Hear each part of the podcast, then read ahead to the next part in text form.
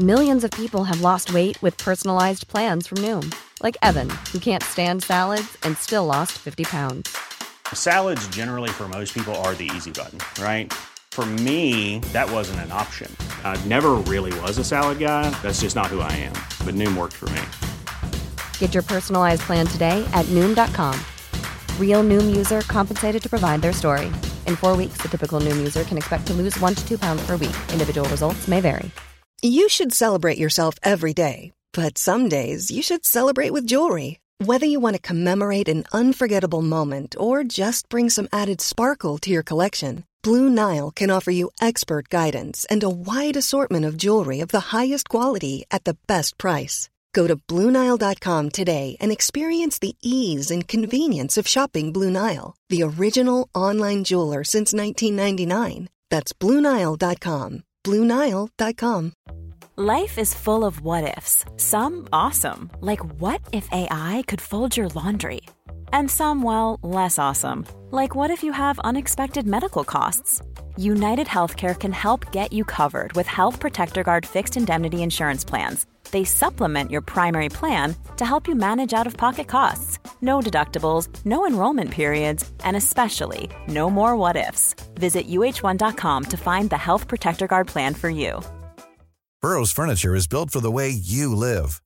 From ensuring easy assembly and disassembly to honoring highly requested new colors for their award-winning seating, they always have their customers in mind. Their modular seating is made out of durable materials to last and grow with you. And with Burrow, you always get fast, free shipping.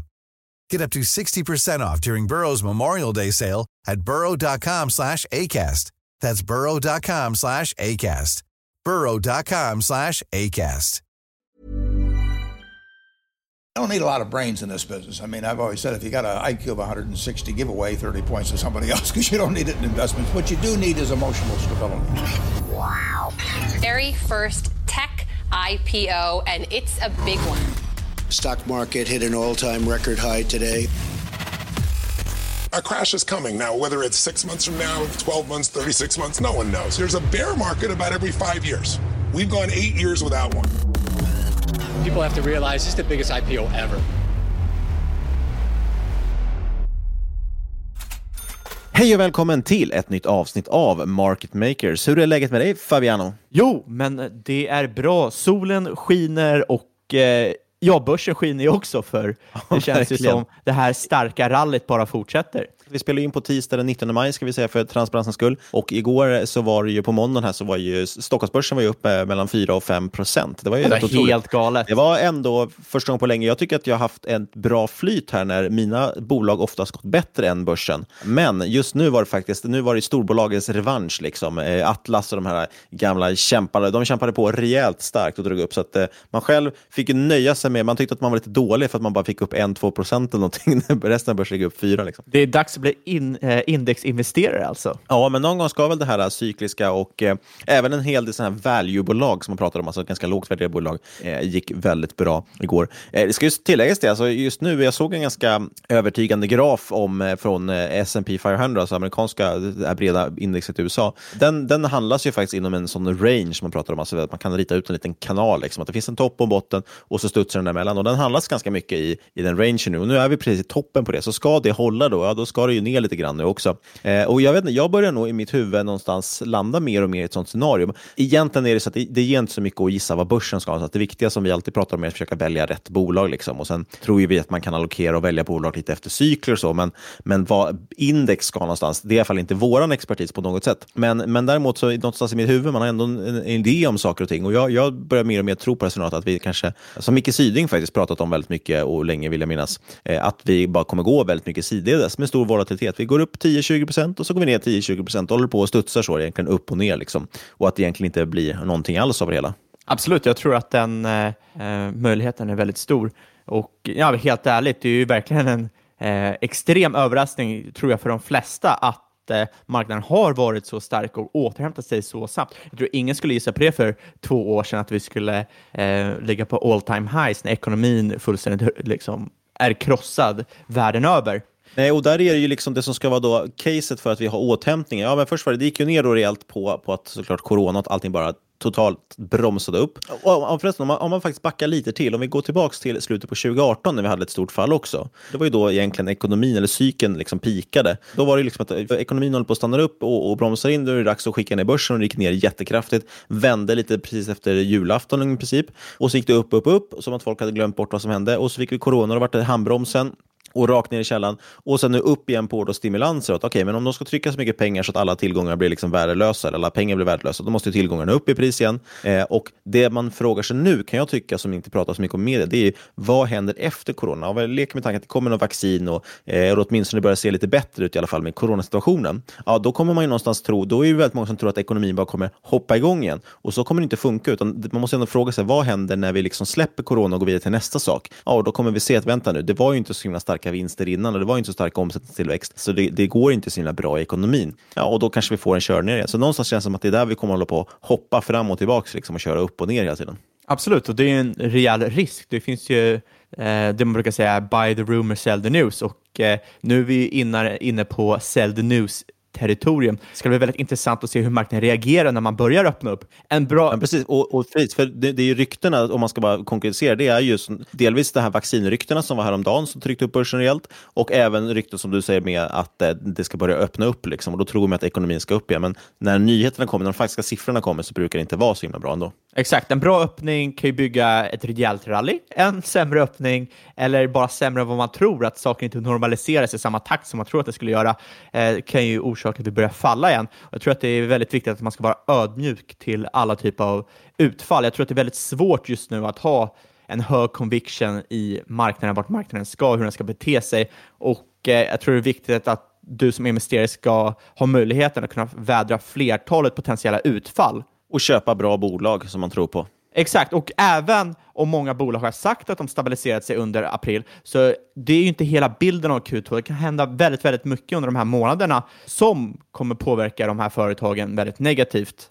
med det sagt så tror jag verkligen att det nu är en väldigt bra tid för stockpicking. Eh, mycket bättre och, än vad det tidigare varit och eh, eh länkade en eh, video med Stanley Druckenmiller på, på min Twitter och eh, jag kan bara säga att han håller ju med mig. Han eh, tycker att eh, nu och eh, de kommande åren kommer nog vara den bästa tiden för stockpicking, i alla fall det senaste decenniet. Ja, och det är ju så. För, och det är därför det är viktigt att titta på, på vilken typ av bolag som kan gynna sådana här situationer, men inte bara just nu, nu, utan på lång sikt. Och Det är väl därför vi just nu extra, lite, lite extra mycket fokuserar på de här bolagen som har någonstans snabbat på sin affär. Som vi, vi pratade om Shopify förra veckan, vi pratade om Netflix för några veckor innan. Det är liksom sådana som har tagit att okay, de här kunderna vi skulle ha vunnit nu på ett år, ja, de har redan liksom flyttats in på en månad i princip, just för att världen förändras. Jag såg, apropå det, bara en sån sak som att eh, första juryn skulle nu sammanträda via Zoom i USA. Alltså en, en, ja, men en, en juridisk liksom, jury i, i i domstol skulle alltså få ha sitt sammanträde via Zoom istället. Eh, bara en sån sak. Alltså det, det, världen är i förändring. Sen tror inte jag att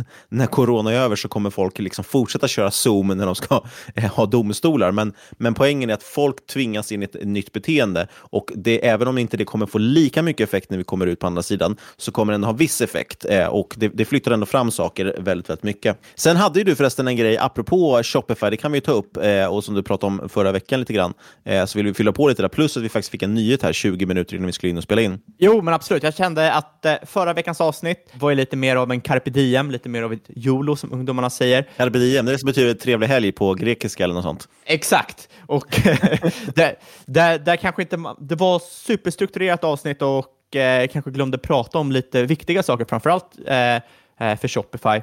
Liksom gå in lite djupare på casen. Vi gick ju mest igenom Q1-resultaten, vilket jag tyckte var otroligt intressant. Men för folk som inte är insatta i bolaget kan det ju eh, bli en viss liksom, eh, eh, gap mellan kunskap om vad bolaget gör och eh, hur de har presterat. Så jag tänkte bara snabbt ta upp eh, lite kring Shopify och eh, sen senare i avsnitt också väva in lite framförallt från eh, Mercado Libre. Etsy skiter jag i, så jag tar de två bolagen. Men i alla fall, Eh, det första jag tänkte prata om är att Shopify har ju släppt en ny app som heter Shops, eh, som är en uppdatering av deras tracking-app. Eh, detta är i stort sett en app du kan ladda ner i App Store och där du kan scrolla igenom deras butiker. En viktig poäng är det här att det är bara en, del, en liten del av deras portfölj och det är absolut inte långcaset i Shopify. Långcaset är infrastrukturen som Shopify möjliggör för att du snabbt ska kunna sätta upp en eh, webbutik helt enkelt. De driver över en miljon butiker och det är alltså det här ekosystemet som Shopify eh, står för. Det är det som är långcaset. Det är inte den här appen som jag tror att många har sett i App Store. Ja, men precis. Och den har ju blivit lite omtag, för den är ganska hyfsat nylanserad ändå. Eh, och det är ju som du säger, det är ett sätt att sammanknyta. Det är lite liksom omvänt egentligen från det vi pratade om förra veckan. Vi pratade om att Shopify som en, en infrastruktur, som Wordpress, det vill säga ett ställe att kunna bygga upp sin webbshop. Eh, och det skiljer dem från till exempel Amazon, som vi sa. Där Amazon är ju en samlingsplats där många kan sälja sina saker. Den här Shops-appen som de har, då, den är ju mer Amazon-grejen. Det vill säga att du har en app där du kan hitta massvis med Shopify-butiker i. Sen är den en liten, liten del. Jag är inte så himla övertygad över den, men, men jag tycker det är också, som du säger, det är viktigt att kommentera ändå, för framförallt för att jag, det har skrivits en del om den och jag, jag har sett lite grann folk som tror att det är det som är Shopify, eh, och det är det verkligen inte. Då, då hade inte jag varit så himla bullish för Shopify i alla fall. Nej, exakt. Och jag är Inte inte... för att det är något fel på appen, men, men det är inte liksom hela grejen. Nej, exakt. Men jag är inte heller så supersåld på den produkten eftersom det tar ju kundförvärvet från eh, Shopifys kunder till, eller förvärvet av slutkunden som sagt, från Shopifys kunder och det överförs ju på Shopify när de har den här appen, vilket eh, jag inte ser som eh, riktigt pat, eh, passar in i deras ekosystem. Å andra sidan, vd Tobi Lutke har nog mycket större koll hur det kan passa in i ekosystemet än vad jag har. Jag tänkte också snabbt bygga på det här om ekosystem, om appar. En ytterligare intressant grej är ju möjligheten att faktiskt bygga appar på Shopify. Eh, de har ett eget App Store eh, som är extremt stort eh, med över 2400 appar. Så du har alltså ett företag som bygger sin produkt ovanpå Shopify. Och Det här tycker jag är superintressant och väldigt viktigt om man vill ha ett framstående ekosystem. För då är det inte bara att du har bolag som använder sig av Shopify för att skapa webbutiker. Du har liksom ett helt annat lager, att folk använder Shopify som någon typ av plattform för att bygga appar som App Store eller kanske machine learning-bolag som, har, som bygger ovanpå AVS eller liknande. Och Eh, sen vill jag också poängtera att Shopify är mycket större än många tror. Jag vet inte om det gick hem riktigt förra avsnittet. Infrastrukturen som Shopify står för, eller bygger upp, eh, står för 5,9 procent av USAs retail e-commerce. Och det är alltså mer än bolag som Ebay, det är mer än Walmart och det är mer än Apple. Och de är faktiskt tvåa i USA om man samlar ihop då alla bolag som använder Shopifys in infrastruktur säger att det är Shopify i en enda pott. Och de enda som är större, det är Amazon som har hur mycket mer som helst dock. Men viktigt att poängtera, det är inte en liten startup, det är faktiskt en rätt stor etablerad firma. Ja, och de är ju ännu mer etablerade nu, för det kom ju en nyhet här precis innan vi satte oss och skulle spela in, eh, om att de då faktiskt har ett eh, officiellt samarbete med Facebook, där man då via Facebook och Instagram kommer kunna designa, liksom skapa en, en storefront, alltså skapa en e-handel via Facebook och Instagram, och då är det Shopify som driver den. Eh, och Det här är ju ett typexempel på vad som är så intressant med deras infrastruktur. Det är liksom bara någonting du kopplar på något annat. Eh, så att via då ditt Instagram-konto till exempel, eller om du har en Facebook-sida för ditt företag, så kommer du helt enkelt väldigt smidigt därifrån kunna sälja grejer. Och då är det Shopify som hanterar själva e-handeln. Det är en otroligt intressant nyhet. Absolut, och eh, Shopify och Facebook har tidigare haft eh, samarbeten från 2015. Eh, men det här tar ju allting till en helt annan nivå. Jag tycker det här är otroligt otroligt intressant. Jag tycker personligen att det här kan sätta otrolig press från Amazon, eller på Amazon rättare sagt. För du har Shopify som sagt är eh, nummer ett valet om du vill starta en webbutik just nu. Och sen har du också Facebook som är otroligt viktigt för eh, mindre bolag att nå ut till en till eh, publik. Och det gör ju också att de här bolagen, framförallt Facebook, då kan eh, mycket bättre monetisera sin eh, kundbas. Eh, vi har märkt att våra, våra intron svävar alltid ut lite grann. Eh, så vi kanske ska slänga in här att eh, vi inte håller på med någon rådgivning eller rekommendation också. Det kan vara bra att säga. Eh, vi berättar om vår process, hur vi tänker, gör alltid din egen analys. Så kom ihåg att alla former av investeringar är förknippade med risk. Så har vi sagt det också. Och eh, så ska vi väl slänga in någon liten bumper här och sen köra igång lite på riktigt på något sätt, eller? Ja, det låter väl bra. Vad ska dagens avsnitt handla om? Ja, men det kommer framförallt bli. Jag, har lite, jag körde en liten feelgood historia här förra veckan, så att nu bara, eftersom jag tyckte det var så bra så tänker jag double up och köra två stycken den här gången. Eh, och sen ska vi framförallt prata då om Si, som är ett jävligt intressant bolag som inte jag faktiskt känner till så väl, men som du hade lite bättre koll på och eh, som hade en eh, kanonrapport bara faktiskt här igår. Det är ett väldigt intressant bolag som vi ska kika på och gick upp väldigt mycket på det, men eh, ja, intressant affärsmodell och många roliga ben att stå på. Nej, men jag, tänkte, jag tänkte dra två lite bara roliga nyheter. Det ena var faktiskt, apropå det här med, med Shopify, att vi glömde säga det förra veckan. Så var det en grej jag hade tänkt ta upp förra veckan, men helt glömde bort i, i allt som var. Eh, och jag, skulle vilja liksom, eh, sätta någon slags rubrik på det här och det skulle i sånt fall vara då antagligen den sämsta tradingdagen i mannaminne. Det här har att göra med när, när oljepriset gick till negativt, eller det var ju framförallt det var väl majkontraktet som gick ner i negativt territorium. Och eh, då var det ju liksom väldigt mycket problem med det. Vi bland annat såg vi många sajter som inte kunde visa negativa priser, för de var helt enkelt programmerade med att bara visa positiva tal. Eh, och det var ju en som fick lite problem med det här.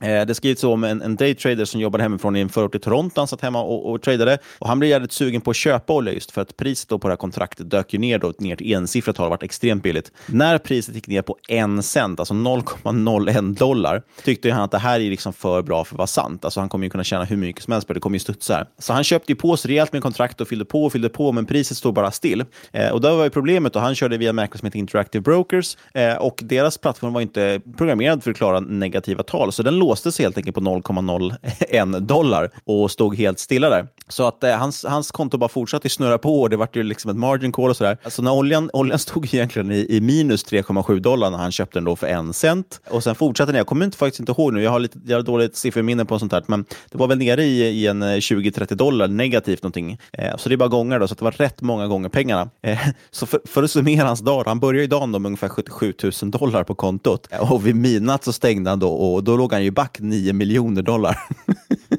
Och det, får, det får man ändå någonstans säga att det kan ju vara den sämsta tradingdagen i historien. Jag tror det enda som är på nivå med det, det var väl han, eh, el, han som handlade elpriser i Norge, tror jag, som, eh, som höll på att knäcka hela börsen. tror jag också. Och han som sprängde sig på en dag, Precis. från miljardär till eh, hemlös. Och det får man nästan säga också, med 77 000 dollar är inte liksom, en miljardär kan man ju inte påstå, men, men att ligga back 9 miljoner dollar sen efter det, ja, det, det, kan inte ha varit jätteroligt för den killen. Eh, som tur var, eh, Interactive Brokers gick faktiskt ut och sa att de skulle ersätta alla såklart som hade råkat ut för det här. Eh, och jag tror totalt kostade det, kostade det faktiskt Interactive Brokers lite drygt, om det var 113 miljarder dollar, äh, miljoner dollar eller något, så ungefär en miljard svenska drygt. Ja, jag undrar vilken mellanchef som fick ryka för det. Ja, man vill inte sitta på Quality Assurance-teamet som ska kontrollera alla funktioner, för det hade de missat. Sen tänkte jag faktiskt, en annan grej också som jag är rolig faktiskt. Just, och vi, vi har pratat mycket om det i podden, det här med problemet som vi har med riskkapital och negativa räntor och så vidare som gör att eh, marknaden är liksom överflödad med pengar och det finns för mycket pengar som jagar avkastning och då gör det i egentligen nästan vilken investering som helst, vilket har lett till den här startup-bubblan som vi pratar om. Det vill säga massvis med startups som bara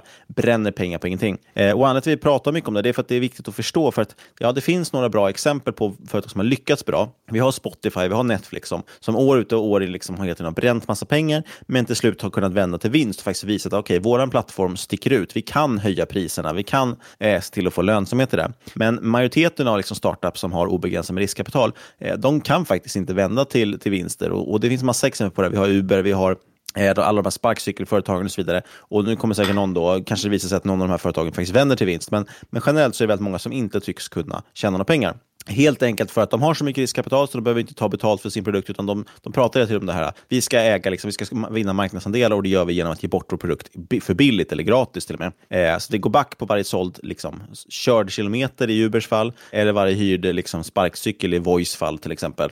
Eh, helt enkelt för att vinna marknadsandelar. Men det de säljer är ju liksom en commodity. Vem som helst kan ju slänga ut sparkcyklar. Det är inte så svårt. Eh, men då såg jag faktiskt ett jäkligt roligt exempel på det här. Det är lite kul också, för det här exemplet har att göra med Softbank. Det är Softbank som, som fick betala för det här problemet. Det var de som låg bakom den här investeringen. Eh, och Softbank känner vi till. De har gått från att verka väldigt spännande och äga väldigt mycket spännande investeringar till att sakta men säkert kanske tappa mer och mer förtroende. Framförallt kanske nu med fiaskot i, i WeWork som vi också pratar väldigt mycket om. Som jag tror värderas till 2 miljarder dollar, något sånt. Ja, precis. De har ju nedvärderats nu. De gick ju från att vara värderade närmare 50 miljarder dollar för ett år sedan till nu runt 2,9 miljarder dollar. Så det kan man ju prata om en nedvärdering.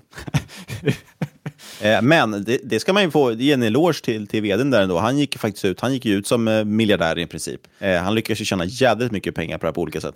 Så Softbank och deras investerare var ju förlorarna. Men en kille som inte är miljardär, det är en bloggare vid namn Ranjan Roy. Han skrev nyligen då en bloggartikel om det här som har uppmärksammats väldigt mycket nu, som är jävligt rolig. För att han, han hade en polare som, som ägde ett antal pizzerior i Kansas. Och den här pizzeriägaren hade nyligen upptäckt att det fanns ju en källa till gratis pengar via då eh, startupen DoorDash som jag tror vi har lyft någon gång. De finns ju inte i Sverige vad jag vet. Här är det väl Uber Eats och, och Foodora och de här uh, tidigare online-pizza också som, som fanns. Jag tror att Eh, DoorDash endast är i USA faktiskt. så kan, så kan det vara. Men det är ju exakt samma grej. De kör ut mat helt enkelt från olika ställen. Och uppenbarligen verkar de vara lite överkapitaliserade, vilket alla Softbank-företag verkar vara. Eh, för det de har gjort då, den här pizzakedjan som för övrigt heter AJ's New York Pizza, trots att de inte ligger i New York, de ligger i Kansas. Men, men. De hade ju medvetet valt att inte erbjuda hemkörning. Det här skulle vara lite mer premiumpizza. Jag tror en pizza kostar liksom över 20 dollar, så det var liksom lite dyrare pizzor.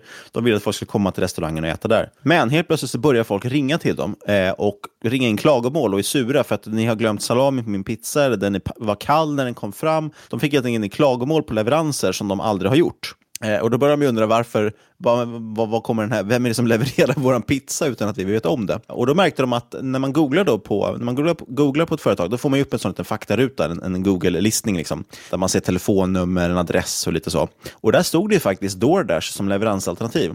Och det här är tydligen en, en medveten strategi som DoorDash har kört förut också. Att de, de lägger in sig själva som leveransalternativ. Sen åker de och hämtar pizzan utan att fråga pizzaägaren och så vidare om att de får leverera. Eh, och då blev de ju såklart irriterade, speciellt med tanke på att folk faktiskt klagade en del på tjänsten också. Eh, och eh, eftersom de inte ville att folk skulle köra hem det. Och eh, dessutom så åkte de ju på en del dåliga recensioner då, när det var felaktiga leveranser. Så fick de liksom stå för det. Eh, men som sagt, DoorDash åkte dit ändå och hämtade pizzorna utan att säga till. Men det som var roligt i det här fallet, det var ju att DoorDash dessutom hade lagt upp felaktiga priser på sin sajt. Så en pizza då som kostade 24 dollar in i restaurangen eh, tog DoorDash bara 16 dollar för. Och då kan du ju tänka det här, då, då såg man ju en arbitragemöjlighet. eh, och man vet inte riktigt varför det var felaktigt prissatt. Antingen så är det så att de är så överkapitaliserade så de erbjuder artificiellt låga priser. Det vill säga de, de låtsas att, att eller de sänker priserna för att locka in kunder. Och Det leder oss tillbaka till det här vi pratade om, att man säljer produkten för billigt medvetet bara för att vinna marknadsandelar. Och, och det ger ju reella förluster. DoorDash faktiskt, de förlorade 450 miljoner dollar förra året, alltså en halv miljard dollar nästan, när de, inte ens, när de bara hade 900 miljoner dollar i omsättning. Så man, man plöjde in en, en miljard dollar, eller man fick in en miljard dollar nästan, men man gick en halv miljard dollar back på det. Alternativt alltså tror man också att det kan vara så att de använt någon bot och kört en så webbscraping, alltså hämtat hem då liksom menyn automatiskt från pizzerians hemsida, men då lyckats blanda ihop priserna, att de har tagit fel rader och matchat ihop. Strunt samma, pizzeriägaren såg, eller pizzeriägaren såg i alla fall en möjlighet till arbitrage då. Så han började ju beställa pizzor. Eh, och först beställde de tio pizzor, så de fick in 24 dollar per pizza. DoorDash pröjsade ju full pris, liksom. men de behövde bara betala 16 dollar till DoorDash för att göra beställningen. Eh, och sen gick det åt ungefär 7 dollar för att göra själva pizzan. Så i slutändan var det då en dollar i ren vinst per beställd pizza. Och det här kan man, skulle man kunna bygga en startup på ändå. Det är ganska bra marginal liksom, och eh, Bara öppna upp massor med restauranger i hela, i hela USA liksom. Ja, så, så då börjar de fundera på okay, men hur kan vi optimera här. Det är dumt att vi ska lägga 7 dollar på pizzor som vi inte ens ska äta. Eh, så de beställde fler pizzor. De valde samma 24-dagspizza, men så klickade de i alternativen på DoorDash att vi tog bort all topping, så de skulle bara ha deg på pizzan. Och degen var ju i princip gratis och en kartong kostade 50 cent eller något sånt. Så att mer eller mindre gick kostnaden ner till mellan 1 och 0 dollar. Eh, och då fick de nästan 8 dollar i ren vinst per pizza helt plötsligt. Och så rullade man på det här och körde lite sådana arbitrageaffärer. Sen vet jag faktiskt inte hur det gick, DoorDash upptäckte inte riktigt det här, men jag tror att de la av till slut för att de själva tyckte att men, det här är inte riktigt hederligt. Men eh, lite pengar lyckades de ta ut det här och framförallt tyckte jag att det är ett klockrent exempel på eh, ekonomin, hur skev ekonomin är då, framförallt i vissa startups. Eh, till exempel kan det nämnas alltså Uber Eats. De, anses, de, de, de anges ju som Uber själva som deras most profitable division, alltså deras mest lönsamma enhet. Och bara för att förtydliga vad de anser då lönsamhet, Jo, men Q4 2019 till exempel, då förlorade Uber Eats en halv miljard dollar. Alltså en halv miljard dollar på ett kvartal för, gick man i förlust. Eh, och då hade man bara en omsättning på 700 miljoner dollar.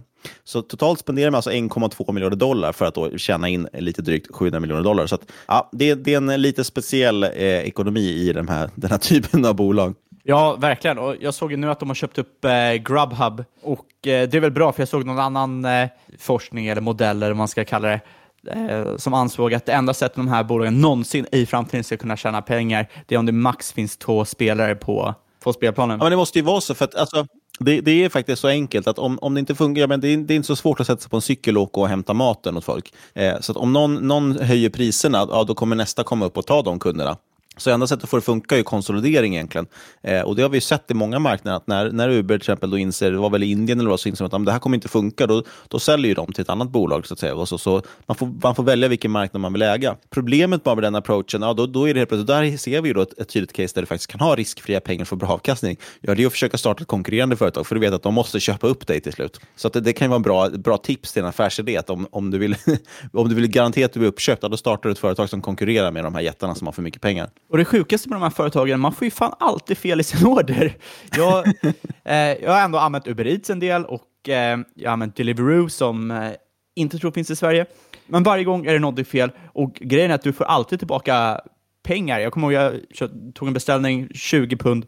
De eh, glömde sås som jag skulle få. Så klagade jag. Jag tänkte, jag kan få någon pund tillbaka på det. Jag fick 15 pund tillbaka.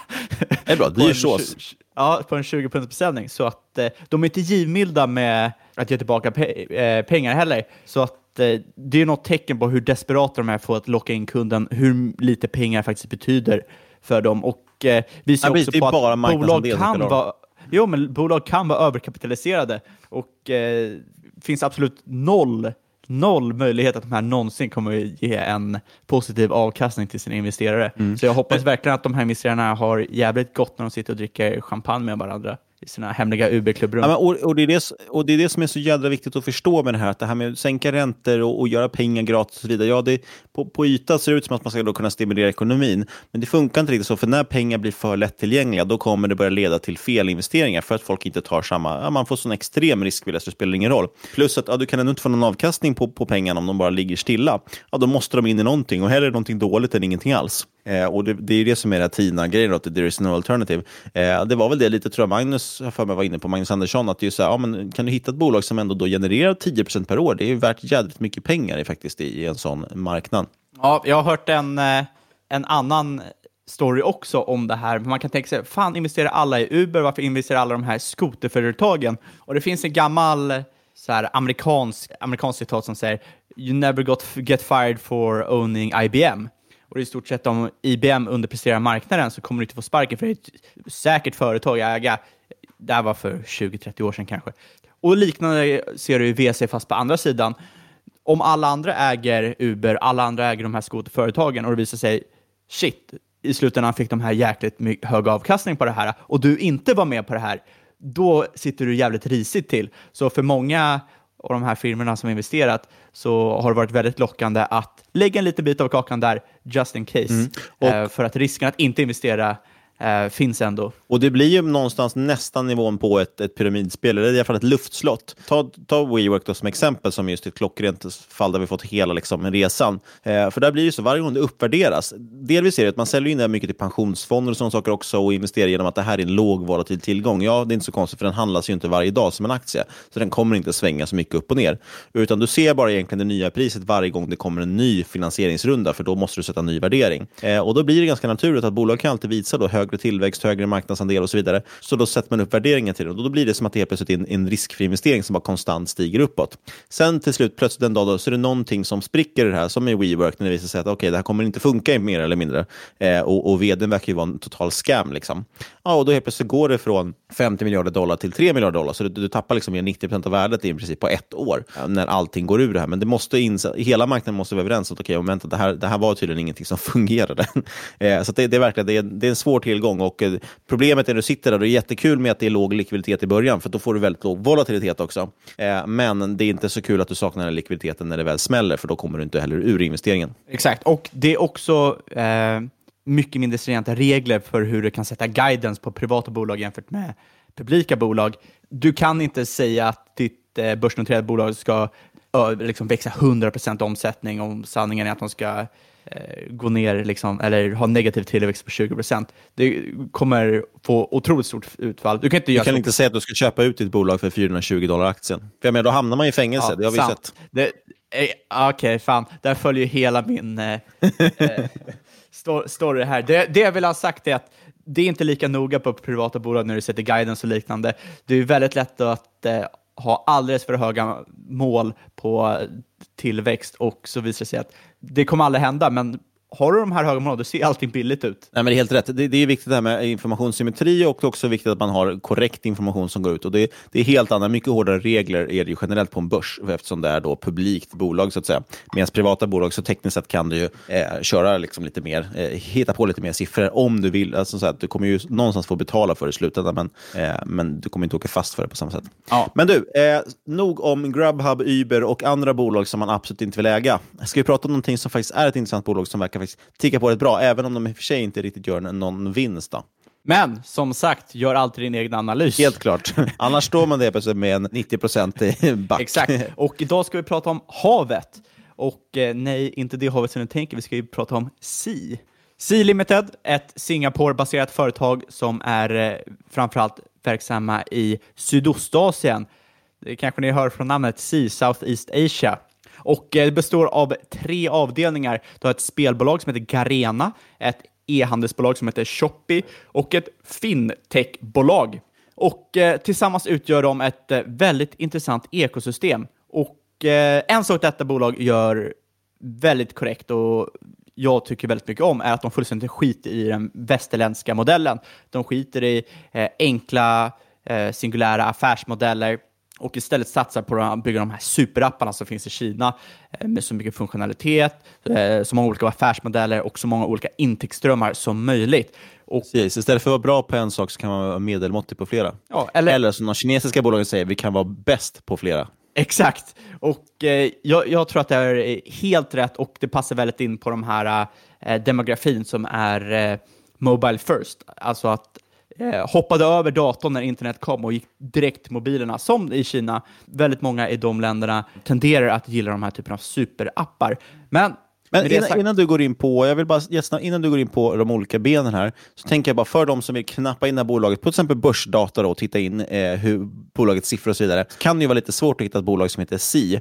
Eh, och då kan man antingen söka på SEA, alltså sjö på engelska, mellanslag LTD, då hittar man här bolaget SI Limited.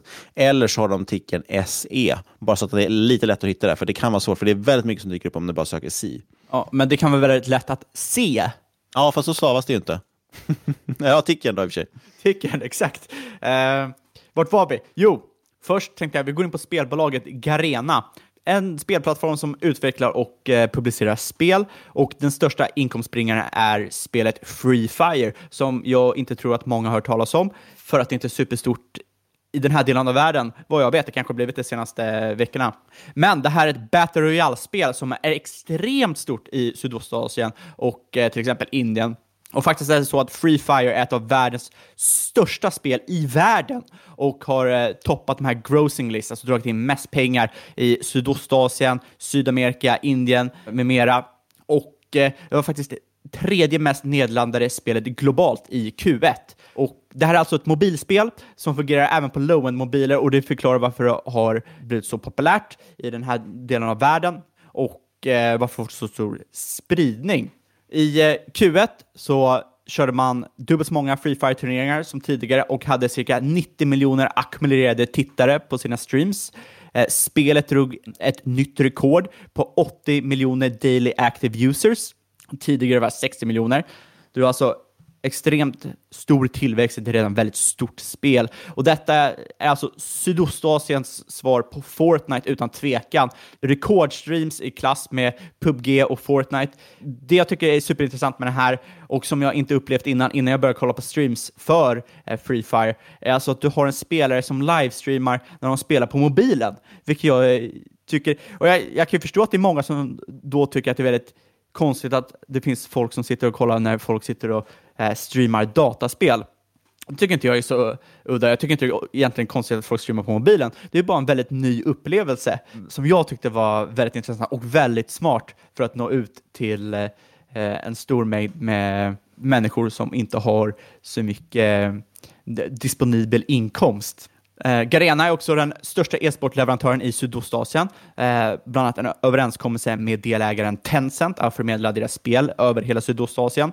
Och Eh, den här avdelningen är lönsam och har växt 113 procent year on year och denna tillväxt är, är drivad av ökad userbase där quarterly active users är upp 48 procent year on year och penetrationen av betalande users är upp 73 procent year on year. Så inte bara ökar du eh, användarbasen, utan du har ökat mängden av användarbasen som faktiskt betalar för att spela, vilket är otroligt eh, viktigt, otroligt coolt. Sen har du det andra belet, äh, belet, benet, det är e-handelsbolaget Shopee som är en eh, stor konkurrent till till exempel Alibaba, Amazon och Mercado Libre i Sydostasien. Och Shopee med två en. Exakt, och där är Indonesiens största marknaden. Det som är supercoolt med Shopee är att det är väldigt nytt. Det är fyra, fem år gammalt och lyckats gå om på den här korta tiden. Alibaba-ägda Lazada, som är mycket äldre, som mest använda e-handelsplattform i Sydostasien om man kollar på eh, monthly active users och antal appnedladdningar. Faktiskt en av de mest nedladdade shoppingapparna i hela världen, vilket eh, tror många kan reagera väldigt starkt på. Eh, Q1 rankade Shopee nummer ett i Sydostasien och eh, i Taiwan med hänsyn till monthly active users och total time spent eh, in app.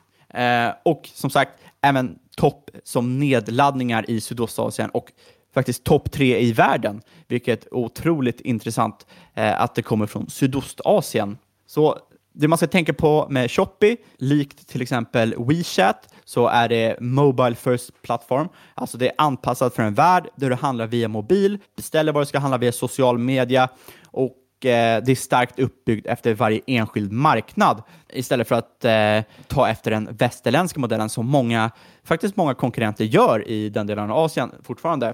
Och eh, det tycker inte jag är superbra. Västerländska modellen, no good. Eh, jag är för den här typen av Mobile First superappar all the way som man kan bygga vidare på. Enligt eh, Southeast eh, eh, Asian Digital Economy Report 2019 så var Eh, tiden en användare var inne på plattformen positivt korrelerat med GMV, eh, det vill säga ökning i användningen detta kan man ju tänka sig, om GMV ökar, alltså gross merchandising value, så kommer tiden i, eh, eller om tiden i appen ökar så kommer GMV öka. Ja, där kommer man antagligen snurra på i någon typ av positiv spiral, för desto mer du spenderar, desto mer beroende kommer du vara av appen och kommer antagligen använda den ännu mer.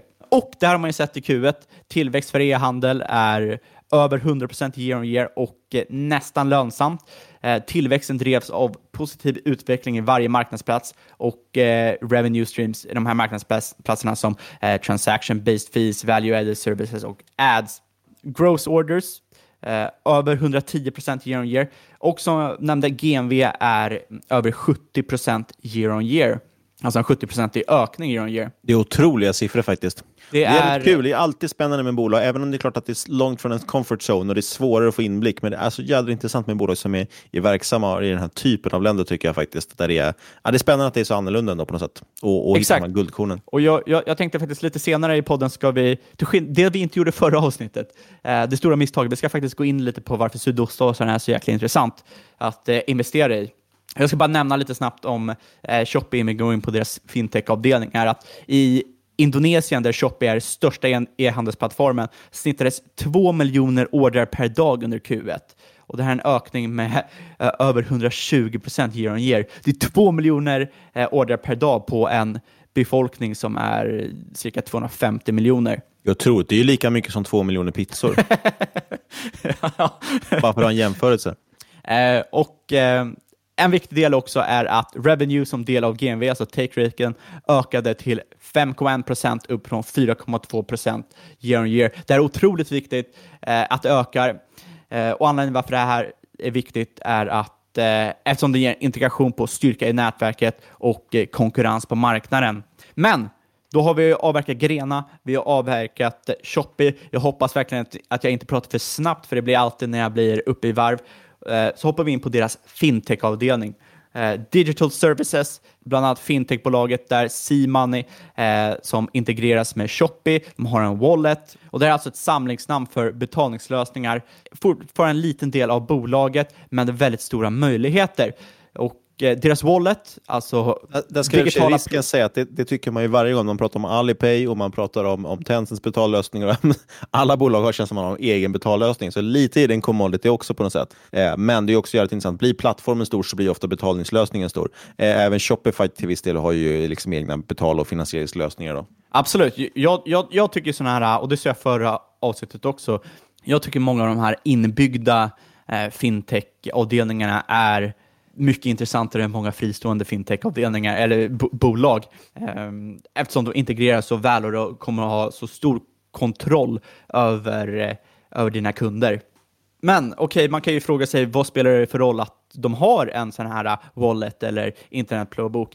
Eh, jo, i stort sett det är essentiellt för att driva en till exempel en internetbutik i Sydostasien eftersom det är så få som har en traditionell bank. För er som är intresserade av Kina och lyssnar på våra Kina-avsnitt, vet ni att det var likadant där. Väldigt få som hade bank. Likadant i eh, Sydamerika och jämför det med Mercado Libre som också har sett väldigt hög penetration i sin eh, mobila wallet. Och det är ju som sagt liknande anledningar. Digital Finance Services har sett eh, ökad adoption och nu över adoption säger man inte på, på svenska kommer jag på, eh, anammande. Jag har sett ökat anammande under Q1. Nu har man över 10 miljoner eh, betalande användare eh, per kvartal och över 1 miljard dollar i det så kallade total payment volume, alltså den totala betalsvolymen under Q1. Så det tickar stadigt uppåt. Och det som jag tycker är otroligt intressant är att 40% av eh, Shopees kunder i Indonesien använder eh, C-money för att betala sina ordrar med. Så du får på något sätt in de här eh, pengarna i samma ekosystem, vilket enligt mig gör möjligheterna för att bygga ett väldigt maktfullt bolag.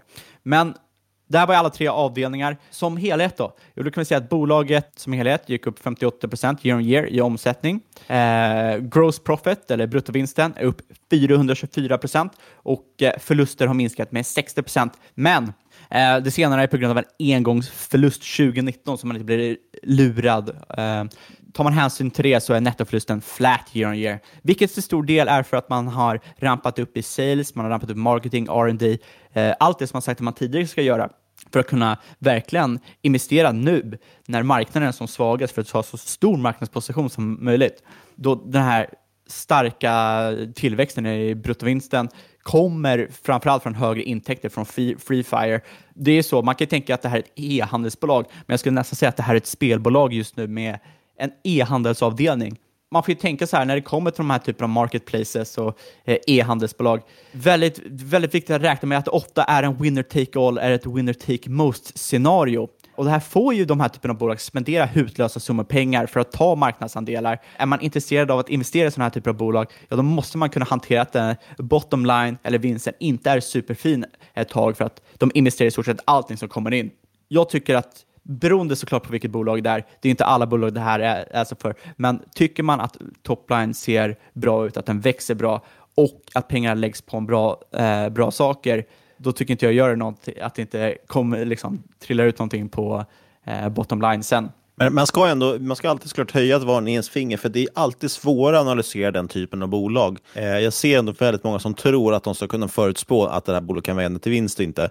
Eh, och jag tycker att det är svårt. Jag har försökt hålla en sån regel de senaste åren för att, att jag får maxäga liksom ett, ett visst antal bolag med, som, som går med förlust. För att det, det, man, man har alltid mycket svårare. Vi hade ju det i vårt avsnitt som hette eh, Det är enkelt att slå index, som vi gjorde för länge sedan. Pratade vi just om det, att om du bara ska kasta pil på börsen, ja, bara tar du en sån enkel parameter att du filtrerar ut alla lönsamma bolag eh, så får du så extremt mycket högre avkastning. Det är så pass mycket enklare, bara en sån sak att välja lönsamma bolag och ändå lyckas folk inte göra det. Absolut, och jag, jag tror att det kan vara ett riktigt misstag, speciellt nu eh, när vi såg som Tralli, framförallt SAS-bolag och de här e-handelsbolagen, Lasse, hela portföljen. Kanske, vad vet jag, det kanske på tio år är superbra, eh, superbra grejer att göra. Det kan också hända att 80% av dem går i konken eller bli uppköpta till en allt lägre nivå än vad du köpte in det på. Så att, Men vill man, vill man göra det enkelt för sig själv, då ska man verkligen hitta, hittar du bolag som stadigt växer sin vinst, ja då kommer du göra dig själv en, en tjänst. Det är bättre att köpa, jag tror det är bättre att köpa ett, ett dyrt bolag som ständigt gör mer vinst än ett billigt bolag som inte gör vinst. Absolut, självklart. Det är ju extremt svårt att eh, fullständig insyn på vart de lägger de här pengarna på. Med det sagt så är man komfortabel med det så tycker jag inte nödvändigtvis det är något fel. Jag vet att det är väldigt många som så fort de ser ett bolag som inte går med vinst så dissar de det direkt. Och eh, framförallt för folk som liksom, på längre sikt håller koll på bolagen, faktiskt går in och kollar vad pengarna spenderas på, ja, då har du ju möjligheten att snappa upp propra tillväxtbolag i ett tidigt skede. Um, Och- och- men som och sagt, med risker är att man äh, trampar på miner, att man går in på bolag som aldrig riktigt haft någon riktig möjlighet att vända till vinst, men man, hade, man vill ha den här moonshoten. Ja, och där gäller det väl lite grann. Delvis handlar det om att försöka förstå hur de ska vända till vinst och när det ska ske. Och det, sen dess gäller det dessutom såklart att titta lite på, på hur de är kapitaliserade idag. Har de faktiskt några pengar? Och menar, tittar man på Si till exempel så har ju de faktiskt, de är ju ändå ganska rejäl kassa. Det finns ju liksom pengar att ta av. Eh, alltså, typ, de, de sitter ju inte förhoppningsvis på någon slags, eh, något, något problem med, med kapital på, på kort sikt. Liksom. För det vill man inte heller sitta i den typen av bolag som inte tjänar några pengar och som dessutom kommer behöva rekapitaliseras liksom, snart, eller refinansieras. För då är det du som kommer få betala som aktieägare eller bli utspädd. Exakt.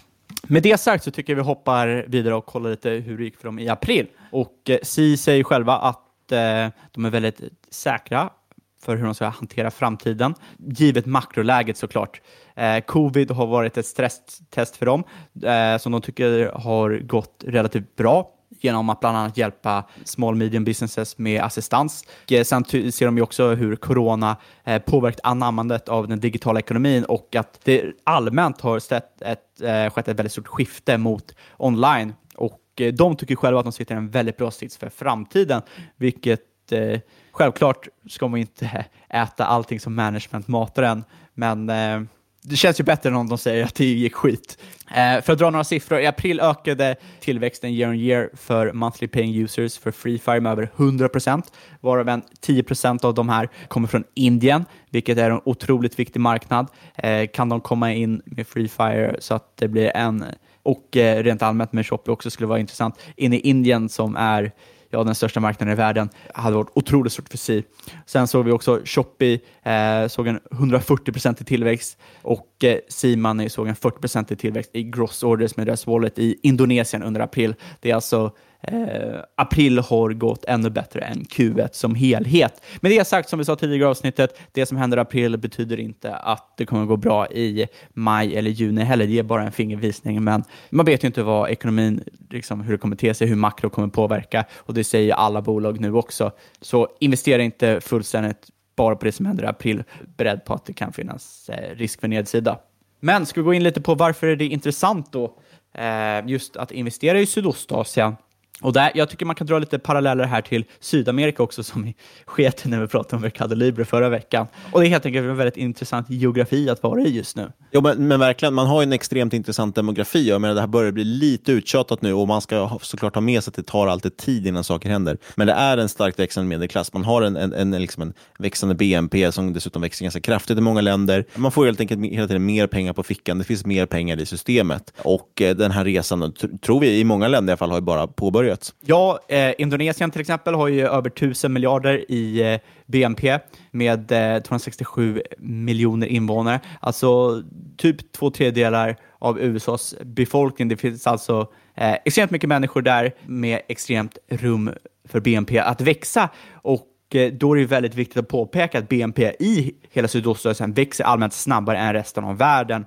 Och eh, framförallt har de en yngre demografi i eh, till exempel Indonesien, men också till exempel Indien som vi pratade om var en eh, viktig framtidsmarknad. Du är ju lägre än både Kina, lägre he- än hela väst, framförallt lägre än Europa. Och eh, jag tycker att det här ger otroliga möjligheter för eh, tillväxt för sig och andra större bolag i regionen. Ja, bara i Indonesien så finns det redan fler mobiler än i hela Nordamerika och internetekonomins tillväxt växer otroligt mycket snabbare i den här delen av världen jämfört med till exempel USA där vi redan har sett en väldigt stor penetration av eh, internet. Så tillväxten har avstannat jämfört med, jämfört med Sydostasien. Inte bara har de många mobiler, de använder internet eh, mobilt internet mest per dag. Thailand, det är Filippinerna, eh, det är Brasilien som eh, går in i Mercado Libre-caset och så har Indonesien. Och tar man då Alibaba som exempel, som jag sa eh, eh, tidigare i avsnittet, så exploderade ju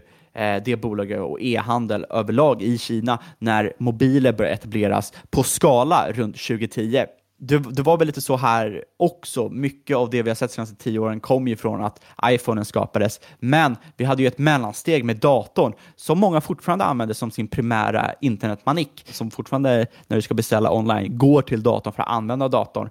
Och eh, det gör man ju inte i de här fattigare länderna om man kan säga så. Då kör man direkt på mobilen, det är mycket billigare och eh, så skippar man dator och man ser att bolagen anpassar sig eh, därefter. Och det är därför de här superapparna blir intressanta och framförallt om man kan hitta de bolag som har betallösningar. För att precis som att många hoppar över liksom steget med dator så hoppar också många över steget med, med kort egentligen i de här länderna. Att det är framförallt väldigt mycket betallösningar och det gör det jädrigt intressant. Man, man hoppar helt enkelt rakt in på de lösningarna. Och överlag är det jädrigt intressant att man har så annorlunda användningsmönster egentligen. Jag kommer ihåg, det var några år sedan nu jag läste om det, men jag minns också att det var till exempel en jättestor grej det här med att i Indien så skickar man extremt mycket röstmeddelanden mellan varandra. Så att, eh, av olika anledningar, för att man inte vill eller kan skriva, så, så skickar man helt enkelt röstmeddelanden istället. Och det har varit väldigt stort utbrett. Så istället som att vi skickar sms så skickar man då eh, små inspelningar liksom istället. Eh, så det, det, är intressant, alla de här små, små grejerna som gör att det blir helt andra spelare som lyckas också på marknaden gör att det blir intressant att titta på det här. För det, det kommer inte vara någon Ebay eller någon amerikansk liksom, variant antagligen som, som vinner de här marknaderna, utan oftast är det åtminstone lite mer lokala aktörer som förstår det, den kultur man har där. Absolut. Jag tror att det är eh, otroligt naivt eh, att tro att till exempel amerikanska aktörer ska kunna tränga sig in i liksom, de här länderna och eh, göra succé. Visst, de har lyckats lite eh, på, i vissa länder. WhatsApp är otroligt stort i, i Indien till exempel. Men som helhet så kommer troligtvis eh, lokala spelare ta större delen av marknaden. De känner eh, kulturen, de känner användarna på ett helt annat sätt än vad ett svenskt eller europeiskt eller amerikanskt bolag kan. Eh, och, så, och som Niklas sa angående liksom, eh, finansbiten och eh, just att de är mobile first, det gör ju också att det finns ju ingen anledning att skaffa ett kort. Du går ju från cash till mobilapp. Och eh, då att ha alla de här tjänsterna i en är en otrolig möjlighet. Ja, sen kan man ju ställa sig frågan, vad är det för skillnad på Singapore och Kina? Och när jag säger det här nu kanske folk tycker att det är en konstig fråga i två olika länder, men de är väldigt närbelägna och framförallt kan man ju säga att båda är diktaturstyrda länder. Eh, men då ska man inte glömma att Singapore rent historiskt är ett otroligt företagsvänligt land, eh, trots diktatur, och eh, jag tror inte att det är samma direkta risk som kommunistiska partiet i, i Kina när det kommer till allokering. Men man bör alltid ta häns hänsyn till att det är en risk när det inte är en, liksom, nu kan man inte säga att något land är perfekt eh, demokrati, men när det är mindre demokratiskt och framförallt när det är kultur och ett land som är långt utanför vad man själv är van vid. Sen ska man också veta att det här är noterat som en ADS, vilket också medför en extremt stor risk enligt mig, eh, då du inte äger själva bolaget utan ett derivat av bolaget. Med det sagt så är man villig att ta den risken eh, så är det ju fritt fram att köpa bolaget. Andra risker är såklart att eh, eh, stora intäkter för bolag just nu kommer ju framförallt från Free, Free Fire och eh, sen också att det finns väldigt många konkurrenter i Sydostasien. Så vi vet ju aldrig vart bolaget kommer stå eh, om tio år. Med det sagt, jag tycker bolaget beter sig väldigt bra än så länge. Eh, jag tycker det är extremt intressant hur de har eh, gått egentligen från ett litet eh, spelbolag till att eh, ha ett eh, e-handelsbolag som har eh, blivit dominerande i den delen av världen, eh, skapar ett otroligt intressant möjlighet för sin egna fintech-avdelning. Och eh, vill man veta mer om Si så kan jag faktiskt rekommendera att följa Mats Christiansen på Twitter, Mats C007. Eh, han skriver otroligt mycket om Si, gör otroligt mycket research där och eh, jag själv eh, prenumererar på honom för att få uppdateringar. Det tycker jag man gör rätt i faktiskt. Det är ett eh, otroligt intressant bolag och en otroligt intressant sektor. Men med det så tittar jag lite på klockan här och tänker att det är nog dags att vi börjar avrunda lite grann va? Ja, det tycker jag. Vi ska börja med en liten innehållsförteckning. Är det någonting av det vi pratar om som vi äger? Ja, jag äger en eh, skvätt Si. Du ser. Eh, lite, du är en sån här Seaman. Ja, alla vi är Siemens, älskar, vänta nej. uh, jag... uh, inget du har hört i den här podcasten ska ses som rådgivning. Alla åsikter våra egna eller vår gäst och eventuella sponsorer tar inget ansvar för det som sägs i podden. Nej, och vi ska till det, vi pratade faktiskt om Shopify förut också. Du äger ju aktier i Shopify väl och uh, jag köpte faktiskt också lite, lite i Shopify. Jag tyckte det var lite för intressant för att stå utanför. vi pratade även om Facebook och sådär och det äger väl du också om yes, inte jag minns fel. Däremot äger vi inte Uber eller något annat märkligt konstigt som vi pratat om och inte heller den här pizzeriakedjan i Kansas, även om de säkert gör väldigt god pizza. Men du, eh, precis som du säger, alla alla investeringar förknippade med risk och så vidare. Gör alltid din egen analys. Eh, jag såg faktiskt ett exempel här på någon som verkligen gör en egen analys och ställer tuffa frågor. Eh, Clemondos vd, det här lilla upphåsade bolaget som säljer handsprit bland annat, eh, de gör ju, deras stackars vd gick ju med på att göra en livesänd intervju i deras Facebookgrupp för håsare eh, och då fick han frågan eh, från någon, då. han sitter där helt seriöst och försöker svara på frågor, så frågar någon, tror du att Q2 kommer bli boom eller boom boom? Tyvärr förtäller inte historien vad han svarade på den frågan, men där har ni ett exempel på de hårda frågor man måste ställa mot ledning och, och sig själv kanske. Kommer Q2 bli boom eller kommer det bli boom boom? Så gör alltid din egen analys. Ja, och jag tror att det är extra viktigt att ställa frågan, är det boom eller boom boom nu i Q2? Precis. Det är det hela världsekonomin hänger på. Exakt. Och är man lite osäker på det, ja, då kan man faktiskt skriva till podcastmarketmakers.se och fråga om det blir boom eller boom boom. Eller på Twitter, att marketmakerspod. Och då kan du tagga den posten med hashtag boom eller hashtag boom boom, så får vi se vilket vi får in mest på. Eh, och ni lämnar jättegärna recension på iTunes, skriv gärna boom och ge fem bommar. Eh, och vi vill säga ett stort, stort tack igen för att du har lyssnat. Vi hörs igen om en vecka med eventuellt boom eller boom boom. ha det bra!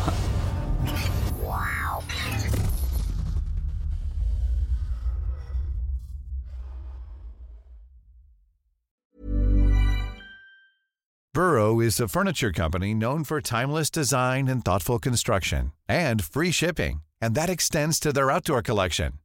Their outdoor furniture is built to withstand the elements, featuring rust-proof stainless steel hardware, weather-ready teak, and quick-dry foam cushions.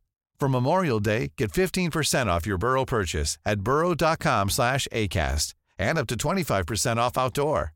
That's up to 25% off outdoor furniture at burrow.com slash ACAST. One size fits all seems like a good idea for clothes until you try them on. Same goes for healthcare. That's why United Healthcare offers flexible, budget friendly coverage for medical, vision, dental, and more. Learn more at uh1.com.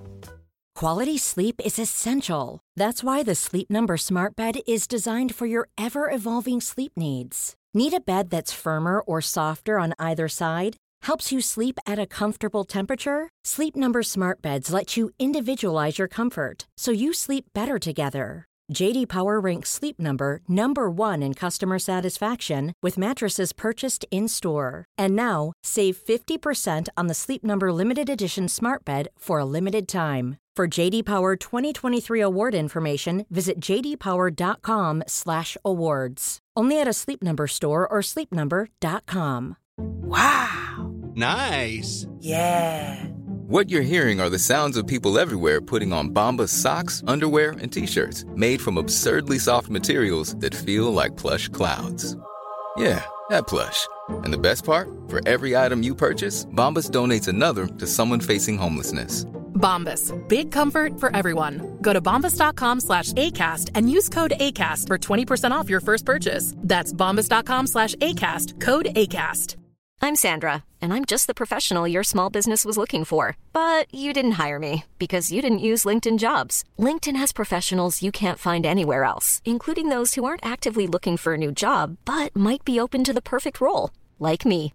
In a given month, over 70% of LinkedIn users don't visit other leading job sites. So if you're not looking on LinkedIn, you'll miss out on great candidates like Sandra. Start hiring professionals like a professional. Post your free job on linkedin.com/people today. Mom deserves the best, and there's no better place to shop for Mother's Day than Whole Foods Market. They're your destination for unbeatable savings, from premium gifts to show-stopping flowers and irresistible desserts. Start by saving 33% with Prime on all body care and candles. Then get a 15-stem bunch of tulips for just $9.99 each with Prime. Round out Mom's menu with festive rosé, irresistible berry chantilly cake, and more special treats. Come celebrate Mother's Day at Whole Foods Market. Summer's just around the corner, so give your body the care it deserves with Osea's best-selling Undaria algae body oil. Created by infusing Undaria seaweed in barrels of botanical oils, it leaves skin silky soft and glowing. Plus, it's clinically proven to improve elasticity and deeply moisturize without feeling greasy. It's safe, clean, vegan skincare. Get 10% off your first order at oseamalibu.com with code GLOW, plus free shipping on orders over $60. Sick of being upsold at gyms? My guy, you're currently a base member. For $90 more, I can upgrade you to our Shred membership. For 130 more, you'll be a Swole member. And for just $300 more, you'll reach Sweat Platinum. At Planet Fitness, you'll get energy without the upsell. Never pushy, always free fitness training and equipment for every workout. It's fitness that fits your budget. Join Planet Fitness for just $1 down and $10 a month. Cancel anytime. Deal ends Friday, May 10th. See Home Club for details.